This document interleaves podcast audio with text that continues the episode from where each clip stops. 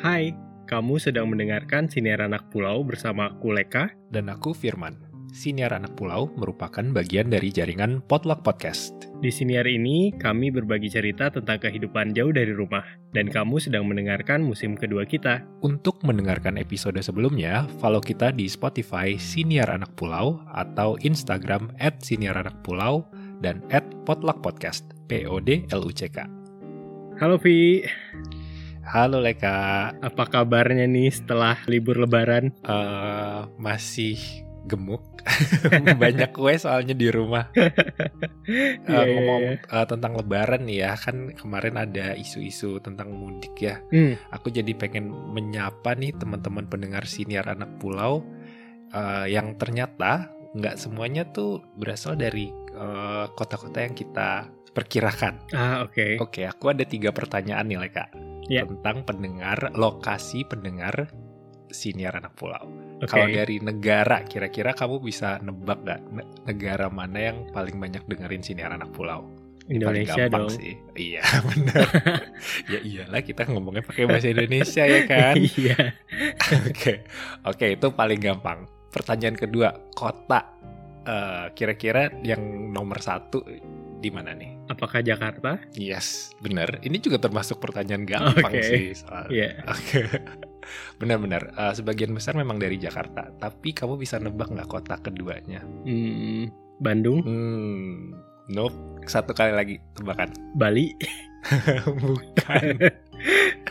nih kamu pasti nggak nyangka nih kalau aku lihat dari eh, datanya Siniar Anak Pulau eh, persentase terbesar kedua pendengar eh, Siniar Anak Pulau ada di Papua Barat. Wow. Jadi aku juga sempat kaget karena ini eh, eh, per- persentasenya lumayan signifikan ya dibandingin eh, kota ketiga dan seterusnya Hmm, gitu. Jadi aku seneng sih iya. Siniar Anak Pulau bisa mencapai Papua dan aku kalau nggak salah ada 17 provinsi lain di dalam Hmm. daftar kita. That's almost uh, itu hampir setengah dari semua provinsi yang ada di Indonesia loh. Ah, oke.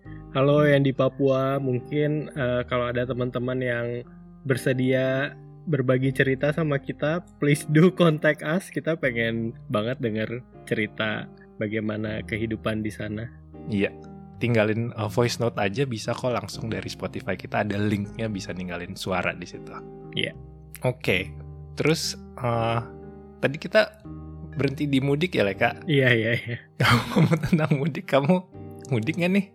Oke, aku kan kemarin sempat mudik ya, Vi, setelah Hmm. eh, satu tahun nggak mudik karena eh, COVID. Akhirnya tahun ini aku memutuskan mudik di luar tanggal yang dibatasi pemerintah ya. Jadi aku Hmm, mudiknya sebelum eh, sebelum pembatasan dan pulang lagi ke Jakarta setelah eh, tanggal pembatasan gitu. Nah, ketika aku ketemu sama beberapa orang gitu ya, strangers, ada misalnya driver ojek gitu atau misalnya dri- driver travel gitu aku tuh suka ditanya "E, mas sekarang memang tinggal tinggal di mana? gitu. Terus aku bilang tinggal di Jakarta. Oh ya udah berapa lama merantaunya? gitu. Terus aku ngejawab aku ngitung-ngitung. Terus gila udah belasan tahun Vi Terus gimana perasaan kamu? yang pertama aku rasa tua sih nah tapi yang yang yang kedua itu aku jadi mikir ya kayak oke sebenarnya rasanya tuh nggak selama itu gitu Hmm. cuman jadi aku mikir kayak apa ya yang berubah dari kota ini dari yang waktu aku pertama tinggal pergi gitu Hmm. I change a lot the city change a lot the Hmm. people change a lot nah tapi balik lagi ke belasan tahun yang lalu aku jadi mikir waktu dulu apa yang aku pikirin ya waktu ninggalin kota ini gitu Hmm, oke. Salah satunya tuh ternyata ada beberapa ketakutan-ketakutan yang aku rasakan sebelum benar-benar menjalani perantauan gitu. Hmm, tapi kalau aku nggak salah kan kamu udah sering pindah-pindah kota ya, Leka? Iya betul. Em, aku kecilnya itu sempat di Jawa Barat, sempat di Bandung, Tasik, terus eh, di di Kalimantan juga pernah di Pontianak, di Singkawang, dan terakhir di Sanggau. Keluargaku eh, menetap di Sanggau. Tapi waktu lulus SMA itu benar-benar yang aku tinggal sendiri gitu, Vi. Oke. gitu. Kalau kalau se- sebelumnya tuh selalu bareng keluargaku gitu. Walaupun I have experience kayak culture shock dan uh, perubahan ba bahasa dan lain-lain perbedaannya gitu. Hmm. Cuman yang bener-bener aku anggap merantau itu adalah ketika aku tinggal sendiri jauh dari keluargaku gitu. Bener-bener beda ya kalau sendirian ya. Bener-bener beda. Hmm, bener-bener. Nah, jadi itu yang aku ingat tuh bener-bener apa ya yang dulu aku takutin gitu. Pikiranku apa ya gitu. Dan ini nih aku pengen aja kamu ngobrol di episode ini. Jadi hal-hal apa aja sih yang kita khawatirkan ketika kita baru mulai merantau? Oke, bentar aku mikir dulu. Ya. Oke. Eh, I'll start deh ya. Hmm. Ketakutan pertama yang aku rasakan itu mengenai hal yang udah beberapa kali kita bahas ya, mengenai identitas Vi. Hmm, ya. Karena dulu aku pindahnya itu dari Kalimantan Barat, kota kecil pula ya dari Sanggau. Aku selalu takut kalau misalnya aku pindah lagi ke kota besar ke Bandung waktu itu, aku dianggap kayak orang kampung gitu loh. Hmm. Is that make sense?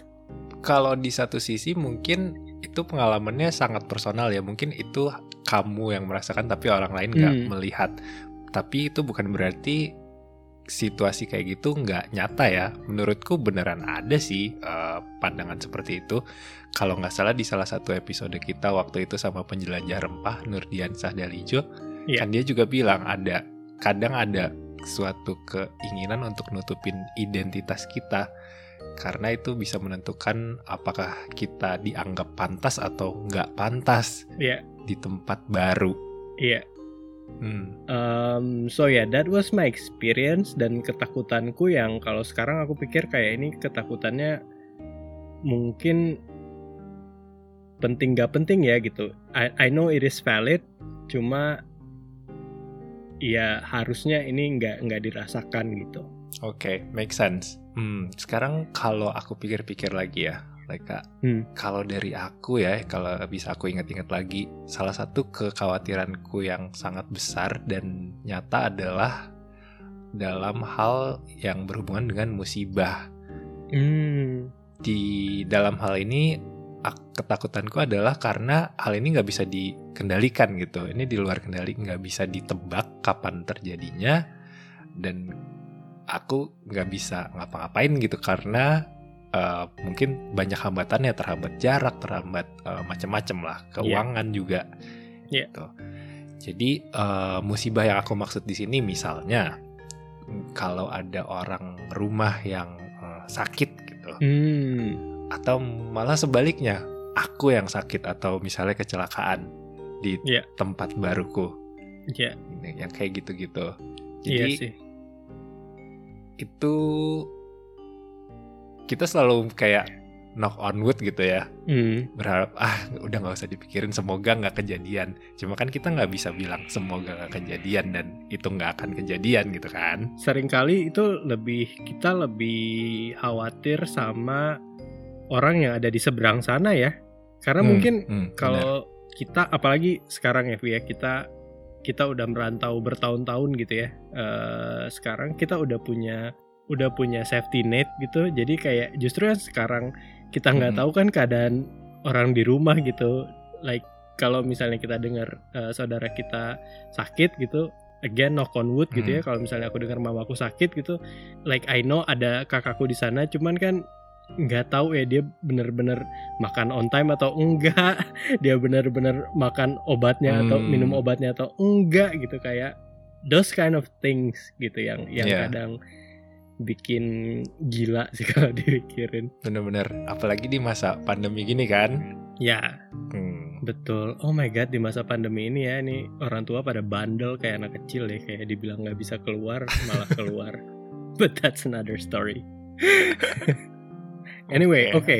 Jadi kita Ah. tadi sempat ngobrolin identitas, terus kemudian juga eh, ketakutan akan kejadian musibah. Ada lagi nggak, Vi? ini mendasar sih kayaknya keuangan deh Hmm, gimana menurut kamu oke oke. Kalau misalnya balik lagi ya di awal-awal merantau ya. Kalau sekarang sih mungkin karena udah lumayan lama merantaunya, jadi udah lumayan ketaker gitu antara income Oh, iya. sama pengeluaran dan lain-lain dan dan ada saving gitu. Cuma memang challenge-nya dulu adalah ketika di awal-awal merantau. Hmm. Karena waktu itu kan yang pertama baru lulus SMA ya, tahu apa sih kita tentang at least aku gitu tahu apa sih tentang ngurus uang gitu. Hmm. Dan yang kedua itu semuanya baru gitu. Eh, tongkrongannya baru, bayar kosan itu hal yang baru biasanya Ah. tinggal nggak bayar gitu kan. Bahkan terima uang bulanan itu juga baru kan, itu konsep Hmm. yang baru gitu. Sebelumnya aku SMA masih jajan per hari kali. Hmm, Dikasih- Mana lagi seneng-senengnya main lagi kan? Iya masih senang-senangnya main gitu. And I have to say I was, I think I was lucky atau kita bisa bilang bahasanya dengan istilah privilege gitu ya. Aha. Kalau aku compare sama teman-temanku yang lain, aku masih banyak dengar cerita temanku yang nggak tahu apakah bulan ini akan dibayar atau enggak sama orang tuanya, akan dikirimin uang atau enggak gitu, atau misalnya dikiriminnya pas-pasan buat kos-kosan aja tapi makannya enggak gitu. Itu aku masih sering dengar. However, Hmm. masalah kekurangan uang ini masih sempat aku alamin ya. Terutama karena kesalahanku sendiri gitu. Misalnya aku udah dikasih uang bulanan yang cukup nih gitu. Hmm. Cuman kan ada ber- beberapa expenses yang nggak di approve ya sama sama orang tuaku atau nggak mungkin di approve gitu kayak misalnya clubbing tiap minggu gitu atau beli sepatu gitu yang yang nggak ada di budget gitu. Nah, ketika aku memaksakan diri untuk memenuhi kebutuhan bukan kebutuhan sih keinginan ini, jadinya aku harus eh, compensate itu dengan hal-hal lain gitu. Jadi antara makan yang harus dibatesin gitu. Hmm. Sampai aku ingat aku pernah eh, sama teman-teman kosanku itu yang waktu itu aku sempat cerita juga kita ngamen di lampu merah di Dago cuman buat eh, makan di hari itu gitu. Again bukan karena uang bulanan yang gak cukup itu karena memang we went crazy setelah setelah dikirimin uang bulanan terus kayak di akhir-akhir bulan kita bingung mau makan apa gitu. So yeah, it's it was a Hmm. lesson lah. Kalau dari keterangan kamu, aku dapat eh, informasi yang menarik nih tentang cukup. Kalau dari cerita kamu ya, Hmm. cukup itu kan berarti apa yang kamu terima sama apa yang kamu keluarin impas nih ya, jadi ketemu nih. Iya, Tapi dalam kasus kamu pernah kejadian itu nggak ketemu. Jadi sebetulnya biarpun eh, berapapun angkanya yang kamu terima, risiko keuangan itu tetap ada ya. iya betul, Tergantung sama apa yang eh, kamu keluarin gitu ya. betul. Tapi em, kita starting point emang beda-beda sih, Leka. Hmm.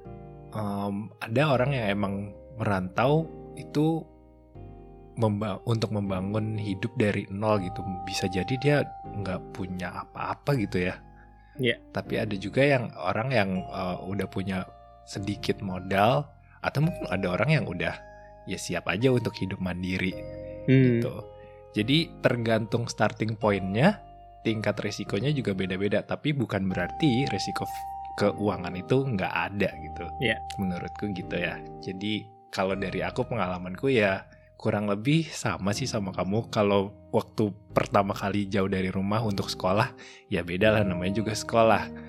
Itu kan ditanggung orang tua ya.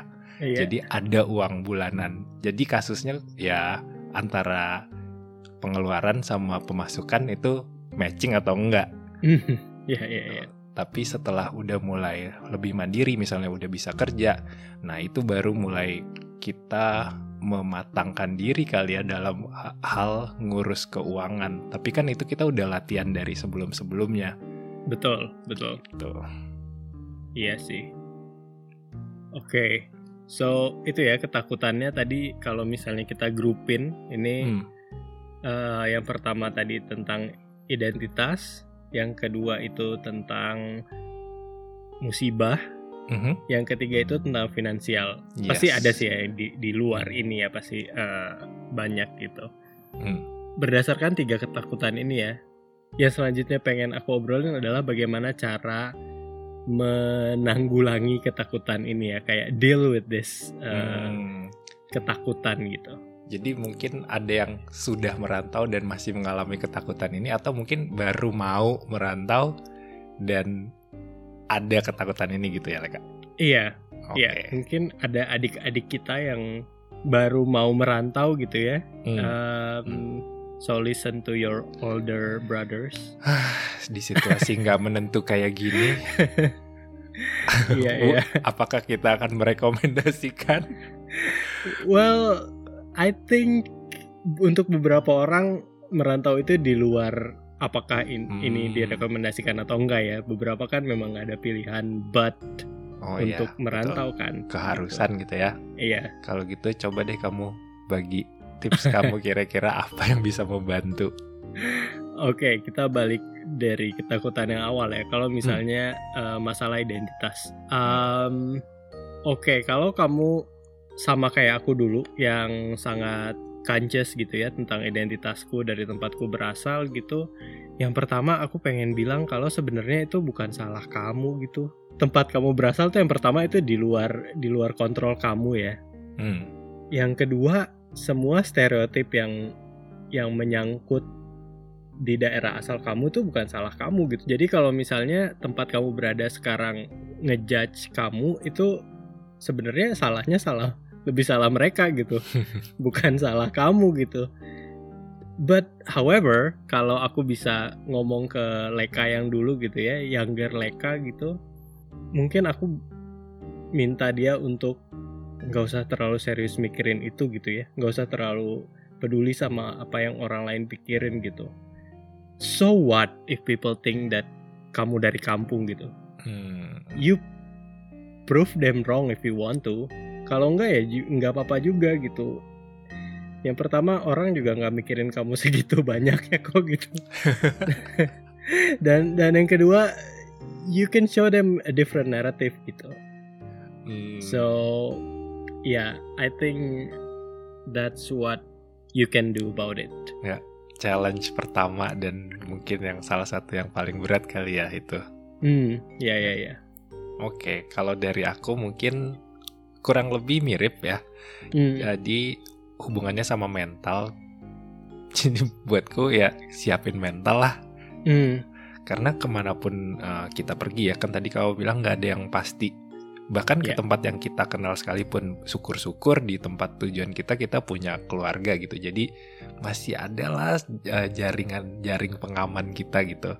Biarpun Hmm. mungkin kita nggak terlalu dekat.